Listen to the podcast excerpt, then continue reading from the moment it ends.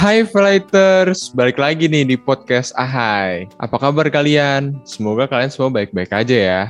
Kalian pernah gak sih merasa, kok kayak tugasku banyak banget ya? Mana deadline mepet semua, terus besok masih harus ulangan. Akhirnya kalian jadi stres, pusing, dan hasilnya nggak ada yang maksimal. Apalagi anak AHI bentar lagi udah mau pas nih, tapi tugas-tugas masih numpuk. Ah, itu sih pasti pusing banget tuh. Maka dari itu, tema podcast kita hari ini menarik banget nih, yaitu time management. Pasti di pikiran kalian langsung deh muncul pertanyaan, apa sih time management? Time management itu dimulai dari mana sih? Gue rasa apa nih sekarang? Yang sekarang kalian harus lakukan adalah dengerin podcast ini dari awal sampai akhir, biar kalian dapet nih intisari dari time management. Yuk, langsung aja kita ngobrol-ngobrol sama BC dari tim PKBN 2K. Halo C, apa kabar? Halo, halo.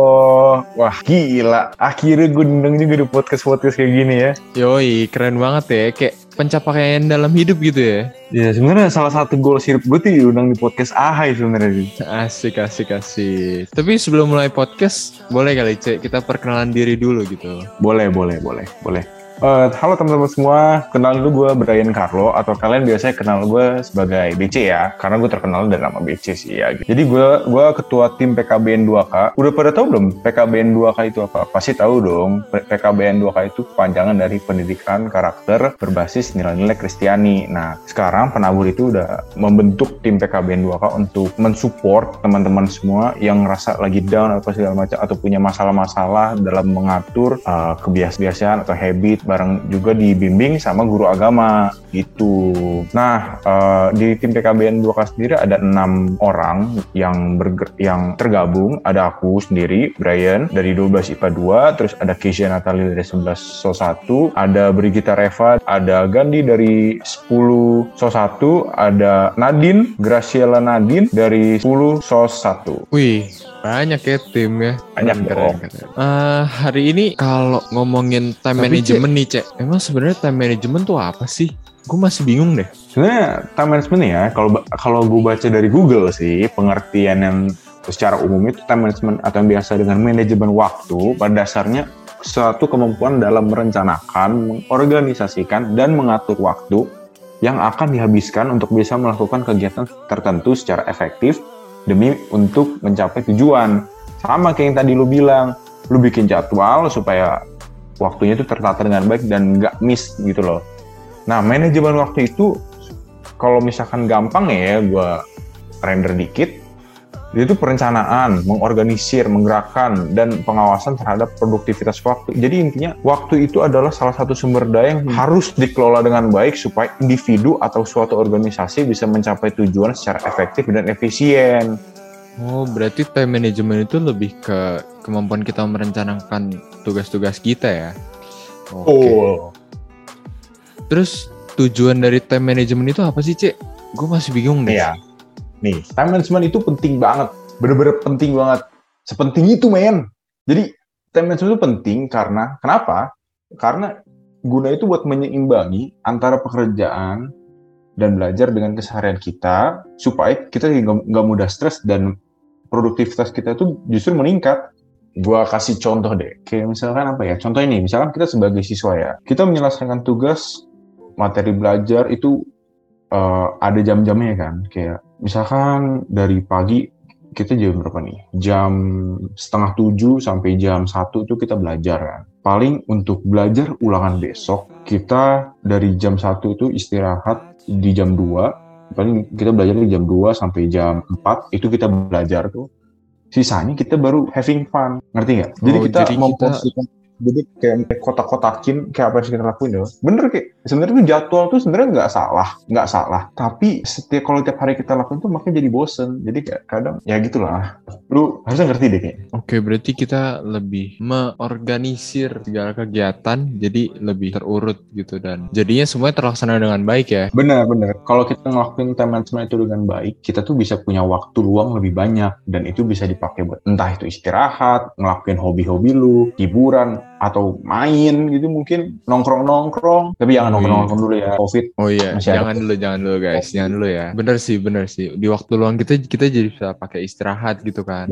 Kalau misalnya capek gitu. Terus berarti kalau dari pemaparan tadi, time management itu berarti berdampak positif banget nggak sih? iya positif lah banget malah nih ya dampak positif time management tuh yang pertama udah pasti memberi kita waktu luang yang lebih banyak karena waktunya udah kita atur-atur dong porsi-porsinya kapan kita belajar kapan kita main.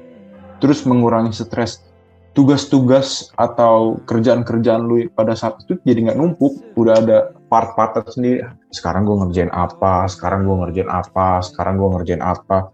Udah habis itu main ah gitu. Jadi stresnya stres ada pasti. Tapi pas udah di akhir udah selesai kan relief santai terus kita juga bisa mendapatkan kepuasan lebih setelah menyelesaikan tugas lebih awal. Lu pernah nggak ngerasain kalau misalnya lu ada tugas deadline-nya empat hari empat hari lagi atau tiga hari lagi tapi udah selesai sekarang? Udah santai. Kayak udah nggak ada beban di otak tugas lu udah selesai semua. Terus pas Bener ngerjain sih. itu waktu iya kan? Bener dong Iya Terus betul. kalau misalkan, pertama yang kalau misalkan waktu luangnya masih banyak atau waktunya masih banyak, deadline-nya masih banyak, jadi kita ngerjain tugasnya tuh fokus, nggak keburu-buru. Aduh, lu udah udah deadline, nih, udah hampir mau deadline nih. Aduh, gue harus buru-buru nih. Em, Hasilnya kan hasilnya jelek, pas-pasan juga, ya nggak? Iya iya iya. Jadi otaknya mentok gitu loh kadang. Bener, bener, bener banget. Otak lu nggak bisa berpikir sepenuhnya gitu loh, karena lu udah dikejar-kejar waktu. Iya sih. Gue sering merasakan itu sih. Tahuan. Oke. Tahuan berarti. Iya, time management gue sebenarnya masih belum baik. nih. Makanya gue berguru nih, bertanya kepada orang Hmm. yang paham. gue pribadi juga masih belum bisa nge-manage waktu gue dengan baik. Ba- banyak tugas-tugas gue yang keteteran karena gue tuh mager ngerjainnya, mager banget. Jujur aja, gue ngomong-ngomong begini, Ini gue tuh yang masih belum bisa yang management paling- itu dengan baik. Paling penting Tapi gue yang tahu teorinya sering dan gue harus banyak bagi itu orang. ke kalian semua. Apa tuh? Kita Asik, tahu nih, keren, keren. Supaya kalau kalian itu maksudnya praktek, apa, artinya apa, lu bisa lebih apa. lebih Oke. lebih lebih lah dari gue Kita suka ini. bingung kayak gimana sih cara melakukannya Keren, keren, keren. apa sih tips-tipsnya gitu lah, tips and trick gitu. Terus sekarang kan juga anak AHI semuanya udah pada mau PAS ya bentar lagi nih. Jadi pasti bisa tuh berguna banget pas kita lagi PAS. Oh ya? Oh iya udah mau PAS ya? Tanggal berapa sih? Iya, 29. bentar lagi. Iya, 29 nggak sih? 29. Betul, betul. Terakhir dapat info 29, bener ya? Betul kok. Betul. Gila. Semester 1. Berarti bentar gue kelar nih. Kelas 12 ya Iya. selesai aja. Abis Nih, ini nih, oke, lulus. oke. Deg-degan gue sebenarnya dulu sebelum. Tadi tips and trick ya. Nih, oke, gue kasih deh tipsnya. Sebenarnya tuh simple banget caranya. Kita tuh cuma harus nentuin apa yang jadi prioritas lu saat itu. Gampang kan? Hmm, kayaknya sih nggak segampang itu sih. Soalnya kan Masa sih? kita tuh pasti ada di satu eh, waktu yang menurut kita tuh semua hal penting gitu dan harus dikerjain saat itu juga. Jadi kayak harus dikerjain secara bersamaan gitu. Itu gimana sih Ci, cara menentukan skala prioritas? Gue masih bingung deh, masih Sebenarnya ada langkah-langkahnya nih. Yang pertama, lu harus tahu kemampuan diri lu itu sampai mana. Yang kedua, lu harus paham tingkat urgensi semua tugas. Yang ketiga, kita mengerjakan semua tugas dari yang paling dekat dengan deadline. Jadi uh, kalau ilmiahnya nih, ilmiahnya ya, ada ada sebuah teknik manajemen yang namanya Eisenhower Decision Matrix. Inti dari teknik itu adalah bagaimana kita bisa melakukan manajemen waktu dengan baik. Contoh deh. Nah, cara Dengan itu kalau misalkan kita buat memisahkan empat kotak hal-hal yang kita lakukan ke di dalam empat buah kategori. Kotak pertama berisi hal-hal yang penting dan mendesak. Kotak kedua berisi hal yang penting tapi enggak mendesak. Kotak ketiga, hal-hal yang mendesak tapi enggak penting. Yang terakhir, kotak keempat, hal-hal yang enggak penting juga enggak mendesak. Ngerti nggak sampai situ? oke oke paham. Ini Benar. harusnya sih gue tahu dari sebelum ada podcast ini sih soalnya kemarin tuh penabur lagi ngadain tugas kolaborasi ya itu tuh Ya. Iya, gabungin Aduh, antara Tugas mata pelajaran aduh. lain satu dan lain kan itu pusing banget itu wah walaupun berkelompok ya walaupun berkelompok tetap aja gitu antara matematika dengan apa ya eh, bahasa Inggris atau sejarah gitu. Hubungannya apa gitu loh? Benar benar benar. Kemarin- susah ya kan? Iya iya kemarin kemarin gue juga numpuk tuh uh, bikin bikin bikin tugas kayak itu gue skrip aja ya. Gue gue bikin skrip itu kan karena males-malesan gitu kan kelompok gue kayak ah udahlah udahlah ceritanya mau nyambungin dari mana? Gitu. Iya. Akhirnya akhirnya kayak, kayak, udahlah selesain hari itu juga nih gue gue niatin. Gue gue selesain tuh hari itu juga sama teman-teman gue di hari ah bulan bulan Oktober kalau nggak salah pertengahan Oktober.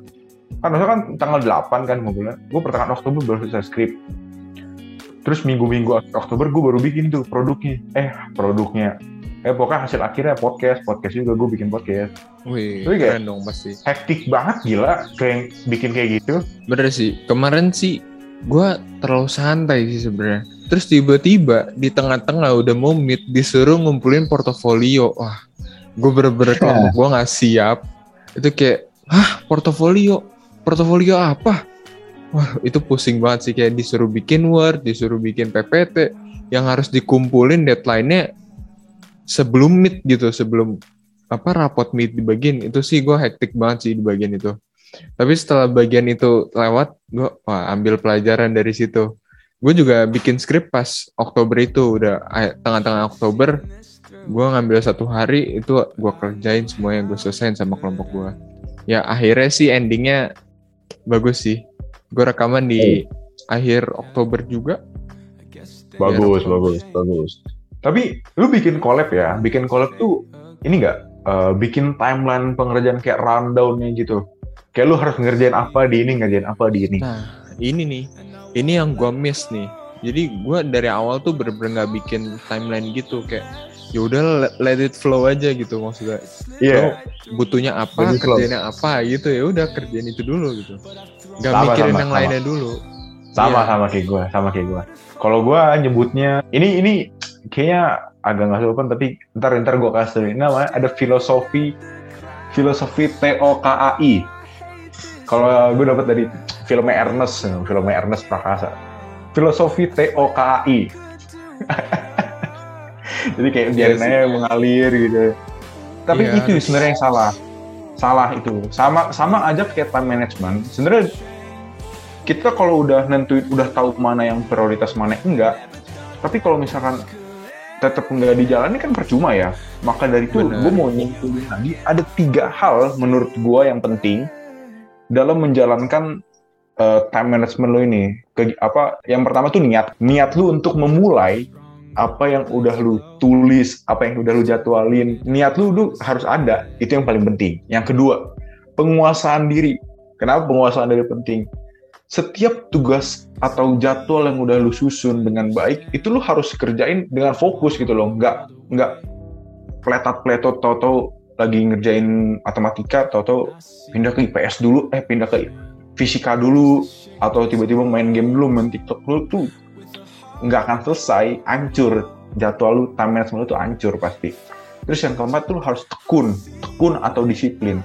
Lu harus rajin ngelakuin semuanya itu. Jangan ada ngeluh mah boleh. Gue bilang mah ngeluh tuh boleh lagi ya nggak sih kalau lu nggak ngeluh Benar. gak dikasih ngomong mah stres men Iya pusing banget.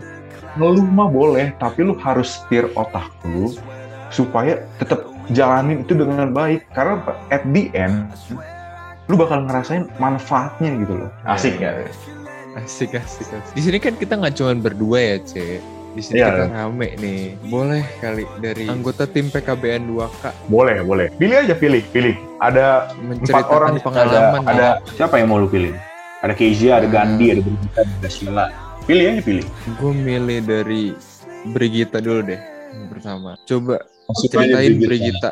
Pengalaman time management lu apa? Eh, jadi eh, kan biasanya aku eh, ini ya orangnya suka dadakan gitu kayak nggak suka banget time management eh, sebelum tahu cara time management yang benar itu aku suka spontan kayak kerjain tugas tuh deket-deket due date. Misalnya, aku punya tugas yang due date-nya besok, dan di waktu yang bersamaan ada ulangan matematika juga. Padahal itu tugasnya udah dikasih dari tiga hari yang lalu gitu. Tapi karena aku mikirnya, ah masih lama ini, nanti aja deh kerjainnya. Aku mikir kayak gitu terus sampai sehari sebelum due date, akhirnya ya aku kerjain semua di Hamin satu. Dan hasilnya pun ya tugasnya kurang bagus, ulangannya juga pas-pasan. Uh, tapi semenjak aku belajar memanage waktu dengan baik, semuanya itu jadi lebih tersusun rapi. Aku terapin yang kata KBC tadi, yang menentukan skala prioritas. Misalnya, tadi tugas kolaborasi itu kan, kan skala prioritas tadi, aku sama kelompok kerjain dulu tuh yang paling gampang, lakasannya buat uh, dikerjain gitu deh. Karena kalau kita mulai di pelajaran yang susah, itu pasti waktunya kemakan buat pelajaran yang susah gitu nanti yang gampang ini malah dibikin enteng nantinya. Hmm. Asik. Berarti Keren banget ya. ini Brigita tadi salah satu anak yang menerapkan sistem SKS ya, sistem kebut iya, semalam. Betul. Anaknya dua tiga lima sembilan banget kalau ngumpulin tugas. Semenit sebelum setelah dari time management ini apakah semua tugas-tugas lu udah mulai dicicil nih, udah mulai bikin skala prioritas kah? Udah mulai sih, tapi ya belum maksimal, tapi ya masih belajar sih. Oke, pasti on progress itu pasti. Iya. Nah, selanjutnya nih, selanjutnya tadi kan udah dari Brigita kelas 11. Yang kelas 10 dulu lah.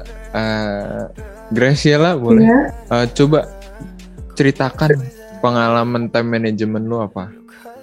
Oke, okay, pengalaman time management aku tuh sebenarnya cukup buruk waktu uh, tugas sekolah itu. Mau balik lagi tugas sekolah karena masih kelas 10 juga dan nggak terlalu kenal sama satu sama lain jadi suka agak awkward kalau mau bikin tugas.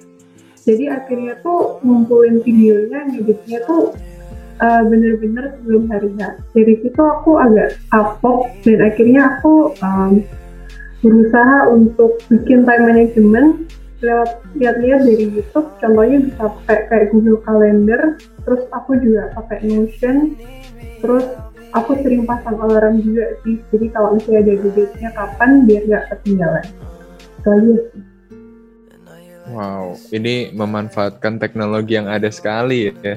Notion, Google Calendar, aduh keren banget. Tapi uh, kamu di kelas sudah mulai kenal satu sama lain kan? Udah mulai akrab dong pasti dong. Iya. Oke, berarti iya. tugas collab ada positifnya dikit lah ya. Hmm, benar banget. Ya sebenarnya dari teknologi itu sih tadi bener juga sih. Kita di era digital ini harus memanfaatkan teknologi yang ada gitu. Kayak eh, aplikasi-aplikasi planner yang ada di Play Store atau App Store gitu yang ada di apa handphone kalian. Jadi dari situ juga kita bisa mulai nyusun nih nyusun jadwal mana nih yang paling penting, nggak penting, terus sampai yang paling nggak penting gitu. Bener sih, okay. itu itu ngebantu banget. Gue gue udah nyoba tuh pakai pakai Notion waktu Excelsior kemarin.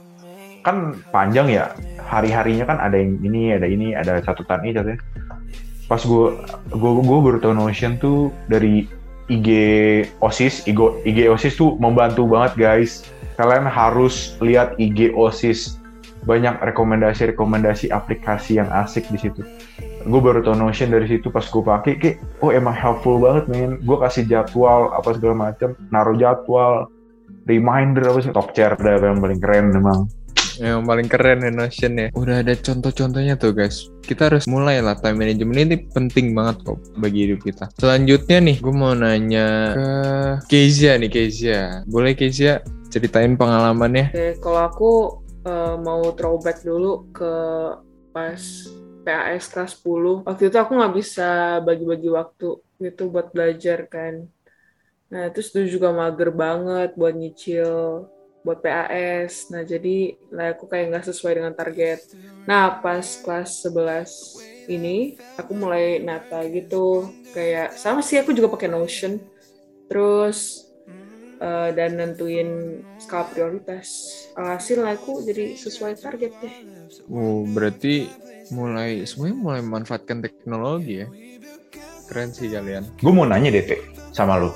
Misalkan lu ada ulangan sejarah minat bahasa Inggris besok nih, besok. Terus besoknya lagi ada uh, ekonomi sama akuntansi itu lu nentuin belajarnya gimana? Ba apa yang bakal lu pelajarin deh? Yang bakal gue pelajarin duluan tuh pastinya gue harus lihat jadwal dulu. Gue harus lihat jadwal. Mana nih yang duluan ulangan? Misalkan di hari itu ulangan Inggris duluan. Ya udah gue coba fokus apa di belajar Inggris dulu. setelah itu baru kalau gue udah selesai Inggris atau misalkan Inggris gue udah cukup lah baru gue pindah ke sejarah karena yang hari itu ulangan Inggris sama sejarah dan Inggris duluan sejarah di jam pelajaran. Jadi gue dahulunya gitu sih. Nah terus Jadi, untuk Pak? besok ya ekonomi sama akuntansi uh, gue prefer ke akuntansi dulu. Karena akuntansi lebih ke hitung-hitungan. Ekonomi lebih banyak ke teorinya sih menurut gue gitu. Gitu ya, soalnya ada beberapa orang yang misalkan kayak tadi, misalkan taruhlah Inggris, Inggris wajib, sejarah minat atau segala macam segala ekonomi akuntansi. Ada yang jadinya tuh kayak ah satunya udahlah nggak usah gue pelajarin lah. Paling begini-begini doang gue udah ngerti materinya. Jadi kayak cukup tahu aja cukup tahu materinya udah terus gas itu tinggal PAS jadi Nah, itu. tinggal ada banyak hafalan-hafalan susah dong tapi itu itu itu yang salah sih menurut gue salah banget kayak jangan jangan merasa bisa gitu. Soalnya kan lu nggak tahu ke depannya soalnya kayak gimana lu kan belum tahu materinya apa yang bakal dikeluarin di PAS itu jadi malah lebih beresiko sih menurut gua beresiko ke PAS lu dan nilai lu nanti gitu Benar. Nah, dari diskusi kita tadi tuh gue pengen gue pengen nyimpulin tips, eh, gue pengen ngasih tahu satu eh tips and trick pas ngerjain PAS nanti. Kalau misalkan lu udah ngerti eh, cara ngatur waktu atau cara nentuin mana yang saya urgent tadi kayak Eisenhower Decision Matrix, kalau lu bisa aplikasi itu berguna banget loh.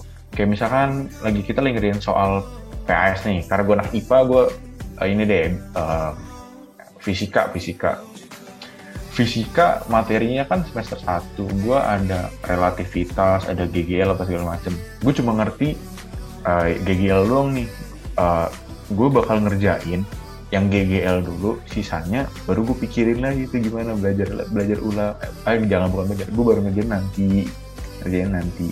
Jadi lu tuh harus ngerjain yang paling gampang dulu baru ke paling susah. Udah sering kan guru-guru bilang gitu kan?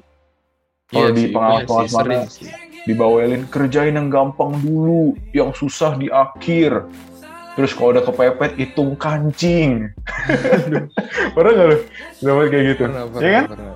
Tapi kalau Terus- kayak gitu, gue lebih terapin di ulangannya sih, Cek. Pas lagi ulangan, gue lebih nerapin itu. Karena kalau belajar, menurut gue yang ulangan duluan, ulangan duluan itu paling paling penting sih. Soalnya kan nggak ada waktu lagi buat kita belajar gitu kalau misalkan besoknya. At- kalau misalkan kita mau bangun pagi bisa aja sih, tapi lebih beresiko nggak sih? Kayak lu tidur Ya, bangun benar, kesiangan. benar. benar makanya time management itu nggak bisa dipatokin. Cuma lu yang bisa memanage waktu lu sendiri. Lu nggak bisa ngikutin orang maunya orang harus terus-terus kayak gini. Karena enggak kegiatan ini kegiatan kita kan nggak sama. Kegiatan lu sama gue nggak sama. Makanya Iya. kalau misalkan lu dapet jadwal dari sekolah ah begini-begini lagi. Ah begini-begini lagi. Pelajaran ini lagi tapi kan ya udah ya bukan ini bukan protes ya bapak ibu guru yang mendengarkan bukan protes hanya hanya memberikan contoh ntar gue dikira protes lagi salah lagi Enggak lah, jangan. Ini kita hanya memberikan contoh. Yang baik diambil, yang buruk dibuang gitu. disclaimer disclaimer dulu disclaimer dulu Di sini ada satu anggota lagi nih, Cek, yang belum memberikan pengalaman. Boleh kali Oh iya. oh iya benar-benar salah satunya cowok lagi selain gue di sini Gandhi dari kelas 10 boleh. Dulu kalau aku tuh eh, time management itu kayak lengkap-lengkap. Eh, jadi kayak hari pertama ngelakuin time management, hari kedua nggak ngelakuin, hari ketiga mau ngelakuin. Saya sering banget kayak, aku sering banget kayak gitu. Nah, ya terus ada di mana mana aku berturut-turut nggak ngelakuin time management. Ya, eh, jadi kalau ada tugas, amin satu nggak kerjain, terus ulangan yang belajar sebelum itu juga. Karena menurutku waktu itu enteng lah, bisa lah tugas-tugas itu. Tapi setelah ngerasain tugas dengan project yang besar, misalnya poster, apalagi kemarin kolaborasi, baru tuh ngerasain yang namanya apa kejelekannya dari ngerjain tugas SKS gitu amin satu amin satu. Nah di situ waktu mengumpulin portofolio astaga stres banget pusing banget dimarahin. Kenapa ini saya tanya prosesnya dan dan gimana ya dimarahin juga sama guru. Kenapa ini belum selesai dan sebagainya? Dan setelah itu coba nerapin time management deh dan time managementnya nggak cuma di dalam kolaborasi. Aku coba juga dalam tugas-tugas dan lain-lain. Dan hasilnya lebih bagus dari yang tadi. Yang kalau kolaborasi ya berjalan ya seperti itu aja. Dan hasilnya tidak terlalu jelek. Uh, tapi itu untuk tugas-tugas hasilnya lebih bagus daripada saat apa tug, apa ngerjain dadakan. Karena uh, karena kita waktunya lebih banyak pertama. Terus waktunya lebih banyak kita bisa memikirkan hal yang lebih banyak. Jadi ngerjain tugasnya santai gitu. Karena karena masih lama. Terus juga waktu luangnya juga makin banyak, jadi enak banget nih waktu nyelesain tugas itu ngumpulin serasa ada puas kepuasan tersendiri kayak gitu. Oke, berarti pengalamannya sampai pengalaman terburuk dulu nih ya. Di sampai dimarahin guru terus ya pokoknya ditegur lah banyak orang. Iya. Oke, oke. Oke, dari obrol-obrolan yang tadi kita udah udah bicarain, di sini gue uh, bisa ambil beberapa kesimpulan yang pertama, kita dalam menentukan manajemen itu kita harus menentukan skala prioritas. Skala prioritas itu uh, berupa kayak kotak-kotak yang isinya kita harus lakuin apa aja. Di situ ada empat kotak. Yang pertama itu kotak yang berisi hal-hal penting dan mendesak. Yang kotak kedua itu berisi hal, -hal penting dan tidak mendesak. Kotak ketiga itu berisi hal-hal yang mendesak tapi tidak penting. Terus yang kotak terakhir itu berisi hal-hal yang tidak penting dan tidak mendesak.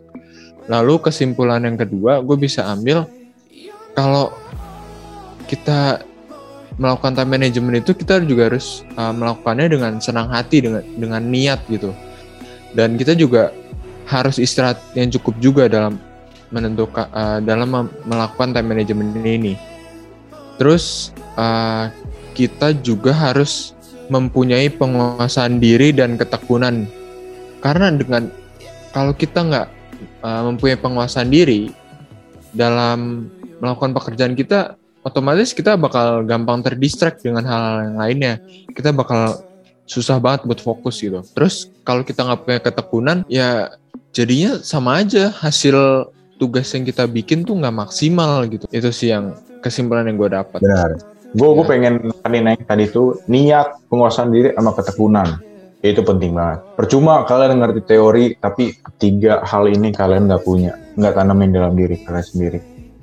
Ini tiga hal ini akan membentuk kalian menjadi pribadi yang jauh lebih baik dari sebelum-sebelumnya. Oke, gua rasa sekian untuk podcast kali ini udah cukup, udah cukup panjang ya kita ngobrol dari tadi. Panjang ya? Kayak berasa ya berasa cuma 10 menit gak sih di sini? Oh iya? Kita udah ya, hampir kayak, setengah kayak, jam loh. Tim PKBN 2 itu suka berbagi. Oh iya, asik asik. Jadi kayak cepet aja gitu kalau cuma ngomong gini doang. Mah. Oke, terima kasih kepada tim PKBN 2K yang telah hadir di sini. Terima kasih atas sharing-sharing kalian kepada podcast thank you hari juga, ini. Thank you, thank you, thank you. you. Gue udah diundang, tim-tim gue udah diundang. Kita bisa memperkenalkan diri lewat podcast ini. Sampai jumpa juga flighters di podcast selanjutnya. Bye bye. Bye. bye.